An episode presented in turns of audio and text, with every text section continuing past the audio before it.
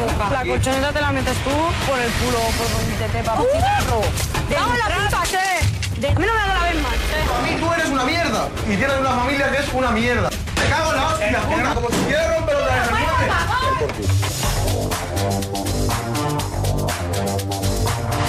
Aquests que sentiu són joves conflictius, nois i noies amb problemes de conducta que tenen una relació de menyspreu, de falta de respecte, odi i algunes vegades de violència amb la gent més propera. Casos extrems que semblen impossibles de resoldre. Els testimonis són extrets del programa Hermano Mayor de 4, un espai que ha guanyat popularitat els últims anys gràcies a la tasca que fan els seus responsables per ajudar aquests nanos a canviar d'actitud. La cara visible d'Hermano Mayor és Pedro García Aguado, que ha passat de ser un dels millors waterpolistes espanyols a un dels coach més populars d'Espanya.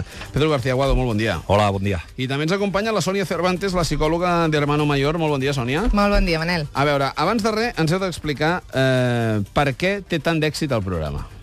Pues porque es real. Realmente tenemos una, un conflicto que está en la sociedad a día de hoy, que son los que nosotros cariñosamente llamamos los rebeldes del bienestar, Sí. que lo han tenido todo y ahora son incapaces de aceptar un no por respuesta. Perquè això vol dir, Pedro, que no estem parlant estrictament de famílies desestructurades o de la classe més baixa, Es eh? una cosa transversal absolutamente. Y en el despacho de Barcelona, que tenemos en la calle Taber, nos vienen casos de todo tipo de, de familias. Tot té solució?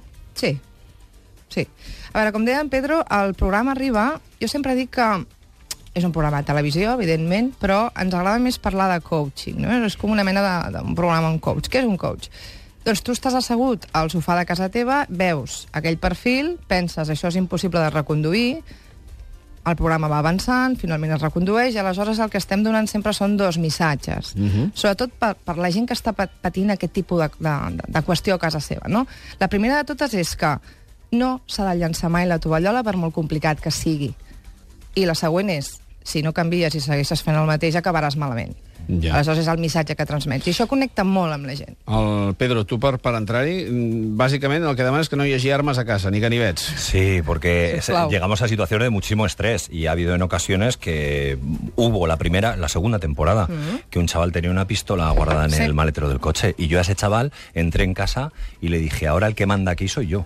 Y le eché de la habitación. Tú imagínate ese chico no hubiera sido un buen chaval como era y hubiera ido al coche y hubiera dicho, ¿quién va a dormir aquí? Y hubiera sacado la pistola y hubiera dicho, ¿quién va a dormir aquí? Entonces, yo le pido por favor al equipo de redacción que intente, el- dentro de lo posible, conseguir trastornos de conducta, pero que no ponga en peligro ni al chaval, ni a los padres, ni a mí, ni a nadie del Tu has equipo. estat eh, en, en situacions límit, eh, en aquest cas derivades de, de l'esport, eh, màxima atenció quan, quan estem parlant d'Olimpiades, etc sí. etc. També eh, algunes addiccions eh, Sí. personals que tu també has, has hagut de superar. Sí. Per tant, el, imagino que hi ha un punt mm. d'empatia amb aquella persona, de pensar que pots ser tu també, o que has sigut tu en alguna època, o no. Claro, eso el equipo se ríe mucho porque dice, joder, Pedro es que siempre tiene una historia para todo, me ha pasado de todo. Y es que es verdad, yo me identifico mucho y soy capaz de ponerme los zapatos de estos chicos, lo que no significa que el ser comprensivo sea permisivo. Ya. Es decir, yo entiendo que puedas estar pasando por una situación, puedo incluso a veces llegar a decir has sido en algún momento víctima, pero ahora que eres un verdugo, que te comportas como un verdugo dentro de casa,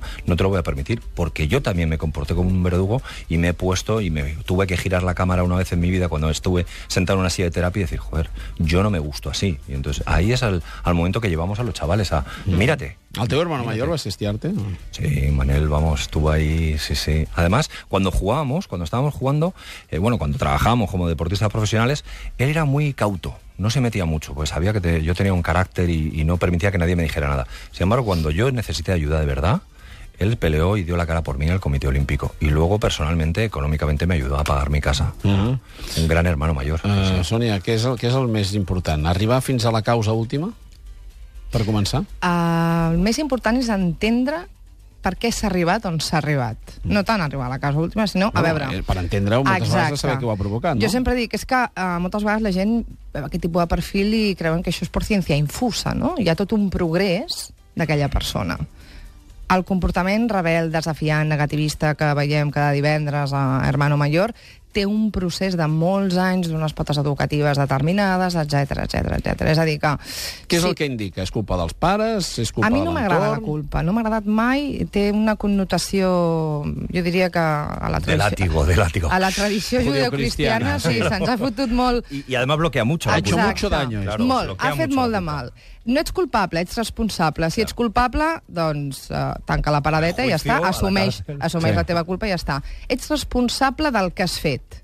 Què permet això? Mhm. Veure què no has de fer més. Mhm. Clar, molta gent diu, és que ara, clar, què faig? Amb 18, 19, 20 anys, ara ja no hi ha res a fer. Sí que hi ha res a fer. Una cosa és el que has fet abans i una cosa és que ho continuïs fent. El problema és que moltes vegades els pares ho fan creient que és el millor que poden fer per ells. Mhm. Hi ha una malentesa. La, la, la sobreprotecció no és una bona educació, és una mala educació. Com hauria de ser una, una bona educació? Jo tinc una recepta. Sempre dic que l'educació per mi és la recepta de dues lletres, són dues As. La d'amor, que inclou comunicació, empatia, bona relació afectuosa... Comunicació no són discursos, és comunicació. No, no, no. Diàleg. Efectiva, Exacte. Diàlogo exacte. efectivo. I l'altra és l'autoritat. Eh, provoca una mica d'al·lèrgia, aquesta paraula. Eh, a mi m'agrada més l'autoritat que l'autoritarisme. Jo no, no entenc una educació eh, tenint en compte l'autoritarisme, no? però el saber dir que no és tan important, tan important, que aquests nanos, al cap i a la fi, molts d'ells, els que no han, el que no han entès, el que no han entès és que ara, quan la cosa s'ha desmadrat, els diguin que no, no per rebel·lia en si, perquè l'adolescència té una època, una etapa adolescent, és perquè mai no ho han sentit abans. Aleshores diuen, i ara per què? Pedro, en quin moment saps que, que aquell cas mm, es reconduirà? Quan, quan toca a fons? Ajá. Perdón, cuando él es consciente de cómo está haciendo sentir a los demás. Nosotros la- los primeros días de terapia eh, son, son, son muy bestias. Hacemos una cosa que se llama empatizar a lo bestia. Yo llevo al chaval justamente al sentimiento que está provocando en sus padres y en los de su alrededor. Si les hace sentir miedo, yo al chaval le hago sentir miedo.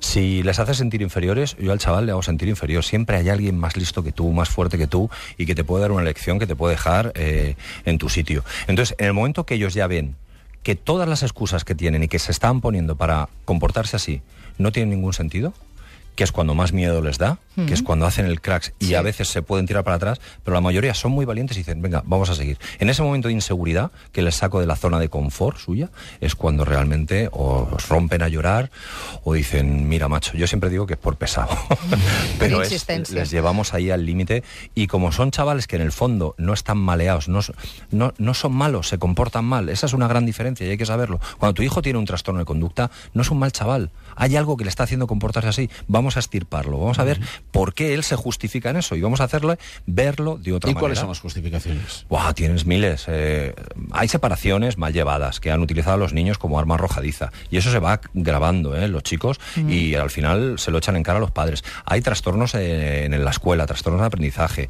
fracaso escolar, relaciones emocionales en la adolescencia, los grandes amores. Parece mentira cómo afectan a los chavales. Eh, que los referentes no sean unos buenos referentes.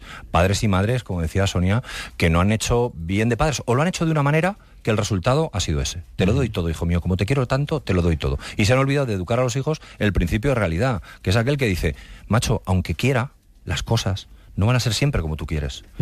Te van a decir que no, te vas a sentir frustrado, pero tienes que aprender a manejar eso. Si yo no te educo, cuando te venga el primer no y la primera adversidad, vas a reventar, que es lo que les pasa. Entonces, cuando los padres educan en el principio de realidad, los chavales llegan a la adolescencia, que es una edad complicada, pero todos la hemos superado, eh, ya más preparados para superar adversidad. Si a todo te han dicho que sí, cuando llega el primer no, joder, y tienes 16 años y un cuerpo enorme, pues vas a reventar todo, porque no lo sabes llevar.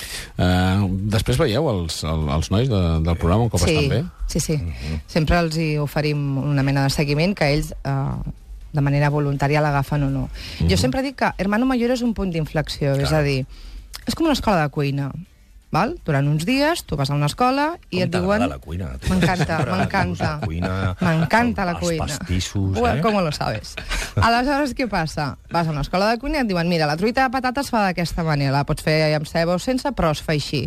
Ara, quan tu te'n vas a casa teva després d'haver fet el curs de cuina, tu decideixes aplicar el que has après o no. El que no pot venir és el mestre de cuina tots els dies a casa teva a cuinar per tu. Doncs és una mica el que nosaltres fem amb aquests nois, bueno, no? com deia el Pedro, és, és que facin el, el clar aquells, no? Claro, i la Sí, herramientas, és a dir, ahí. tens els ingredients que abans no tenies, tens els nous ingredients i tens ingredients que no has sabut utilitzar i nosaltres, tant en Pedro com jo, una mica posem sobre la taula què hauries de fer a partir d'ara. Tu voluntàriament ho fas, i si no vols fer-ho, doncs no ho fas. I Però sí que molts sí que tenim Claro, seguiment. hay algunos eh? que necesitan, ¿eh? Yo, por ejemplo, todavía Sí. sigo en contacto del campamento, del Yo otro del- del formato que campamento yo hacíamos. también muchos, sí. Bueno, algunos que les hemos pagado cursos para Sí. que se inserten en la sociedad y... Escolta'm, tu com ho has fet? Perquè, clar, tu estaves mm, sent un dels millors jugadors del món de, de waterpolo, però al mateix temps amb, amb unes addiccions que, que al final et van portar a, a estar fora de l'equip i tot. Sí, yo, mira, lo- la suerte que tuve fue un gran entrenador de joven que me enseñó a, a sufrir y a, a superar las cosas con mucho esfuerzo y con mucha voluntad. Y ¿Ese lo que sí que lleva una doble vida. ¿eh? No, el yugoslavo. Ah, el yugoslavo también nos enseñó cosas, también nos enseñó cosas, pero también nos machacó mucho. Y entonces yo pienso que como no era un consumidor eh, diario, que era solo los fines de semana, pues mi cuerpo aguantó todo eso. Pero ya te digo, a los 28 años, el waterpolo, que era lo mejor que sabía hacer y como lo que más me gustaba en mi vida, se convirtió en un auténtico infierno. Tu cuerpo sí, pero tu, tu mente... La mente es lo que te digo. Yo cuando venía ahora de dar una conferencia en un colegio les pongo un vídeo de imágenes fantásticas, de medallas, de goles, de abrazándonos todos, pero lo pongo con una canción de Pastora que se titula Desolado, como diciendo yo estuve allí. Pero mi cabeza, lo que sentía, era una desolación absoluta, es decir, yo no estoy acorde a lo que es esto. Me sentía triste, solo, eh, mala persona, una vida gris. Yo cuando salía del agua... ¿Y cuál era la cabeza- causa? Pues eso, que tenía una doble vida y que yo no sabía parar. Yo decía, el libro que publiqué mañana lo dejo, lo decía bien claro. Yo a los chavales al- del equipo les decía, mañana no salgo, tranquilos. O si decía, salgo una copita rápida. Duraba tres días la copita, imagínate. Entonces al final era un sentimiento de malestar conmigo, de haber fracasado conmigo mismo, día tras día, día tras día, ¿sabes? Y esta canción que suena era eso. O sea, yo jugaba. Ganábamos, pero yo enseguida tenía que ir a beber una copa de vino o a hacer algo para sentirme bien. Y eso es lo que me hacía sentir al revés muy mal. Aquesta, aquesta doble vida era imputable a, aquesta, a aquestes substàncies, però per què arribaves a elles? Pues mira, yo empecé muy jovencito, con 14 años. Estaba muy suelto en Madrid. Mis padres se divorciaron y yo lo aproveché, pues como muchos de hermano mayor. Ese és tu enganche. Claro, para hacer lo que yo quería. Entonces, el sufrimiento que en cierta manera el alcohol y las drogas pues te evaden momentáneamente de él, para mí fue un acto repetitivo durante mucho tiempo. El sufrimiento era la separación. Claro, la separación, lo sufrimiento emocional, que no todo el mundo que tiene padres separados se tira al alcohol y a las drogas, pero Sí, sí, sí. el alcohol en mí hizo pues aquello, oye, pues era mi refugio. Pero luego era la forma de celebrar éxitos, luego era una cosa que no tenía ningún riesgo, yo no tuve ninguna conciencia de riesgo sobre el alcohol y luego ya sobre las drogas ilegales ya me daba igual. Lo único que tenía era el, el cuidado de no consumir antes de un partido o no consumir en periodos que podía haber algún control antidoping, porque claro, no era una sustancia que yo tomase para rendir más. Oye, la ¿y cómo, utilizaba te, para la cómo te-. ¿Y cómo te dominas? ¿Cómo, ¿Cómo llegas a entender que eso hay que dejarlo? Bueno, la realidad. O sea, mi propia realidad me hizo, era como un, ¿sabes? El gran hermano, aquel que Sí. me pone la pierna encima. Salvando las distancias. Fue una realidad muy aplastante. Me echan de la selección en el 2003, Sí. ya me echan de la selección, ya no me renuevan en la selección en el 2000, después de Sydney, y en el 2003 que hay un mundial en Barcelona, que este año hay otro mundial, fíjate, 10 años más tarde, y, y me dice Joan Llane, vente a la selección. Digo, Joan, yo estoy hecho polvo, voy dos días a entrenar y ya no puedo más. Y a los dos días desaparezco tres días. Entonces ahí ya pierdo la selección, pierdo el equipo, eh, pierdo a mis hijas, eh, ya mi futuro como waterpolista, que era lo único que sabía hacer y donde me ganaba la vida, ya no podía. millors del món, eh? Estem parlant. Sí, sí. Sí, tant. y, y me quedé a cero. Y entonces dije, aquí hay algo que se me escapa. Y fui a un psiquiatra, me dijo, tú eres alcohólico. Digo, y tú un hijo puta. Por verlo tan rápido, ¿no? Claro, no, digo, coño. Y no me lo explicó bien y dije, ostras, pues yo tenía un concepto del alcoholismo diferente, tenía un concepto de la adicción diferente. Digo, pues, ¿y qué tengo que hacer? Y me dice, mete en un centro de drogodependencia. Digo, ya estamos, que te estás equivocando, que soy campeón olímpico. Y fue entrar allí y darme cuenta de muchas cosas. Desde com- hace 10 años que no tomo nada y, com, genial. eh. I com diu la Sònia, al final és el llibre de, o el curset de cuina, que després la, no només l'has hagut d'aplicar, sinó que imagino que pots estar molt satisfet a nivell personal de ser avui referent per tots aquests nanos a través d'aquest programa de televisió. Claro, porque yo no les juzgo, ¿eh? Ninguno de nosotros lo No. hacemos. Siempre decimos, no te decimos lo que tienes que hacer, te decimos, si sigues por este camino, estas Acabarás son las malamente. consecuencias. Y eso es buenísimo para los chavales. Pues no podemos ir de maestros, no hagas esto, las drogas son malas. Eh, no. Tío, si vas por este camino, te lo voy a enseñar. El que te debió decir, no hagas esto, debía ser el Basile de Mediaset cuando te dijiste que te ibas a sexta, Cabrón. ¿no? No, porque además con Basile no, yo no, yo no le conocía. La verdad que no le Pero ya conocía. le conoces, eran ¿no? problemas, eran problemas que tenía con plural en, enter- en entertainment. Eh. Qué mamón. Paso palabra. Passa palabra. ¿Cómo se nota que está la competencia? Quiere chinchar ahí. El programa, no, el, pro, el programa va tenir tant, d'èxit que, que justament justament va, es va anunciar que, que, que Claro. fitxàs per la sexta, però finalment ho, heu, re- ho heu reconduït a quatre. Mira, y ahí hubo un problema, y eso lo puedo decir perfectamente, que era un problema de contenido. Las personas con las que estábamos haciendo Hermano Mayor, yo, ni ella ni yo estábamos contentos. Eh, cogían una serie de casos, una serie de historias que decíamos, esto no se puede eh, tratar en televisión. Estos son casos muy graves. Y así fue, que de los casos que han reiterado el comportamiento, justamente eran estos. Que la terapia no fue eficaz o fue eficaz hasta el momento y luego no. Y esa fue mi pelea, nada más, con la productora. Nois, felicitats. El Muchas programa gracias. funciona Moltes molt gràcies. bé. I... Hombre, con una psicóloga tan guapa. Bueno. y, uno, y uno como tú, que no es guapo, pero... guapo, qué bien, calvo ¿no? y tal, ya gordote, pero bueno, ¿eh? al menos doy el pego. Sí, felicitats. Muchas gracias, Manel. El matí de Catalunya Ràdio. Manel Fuentes.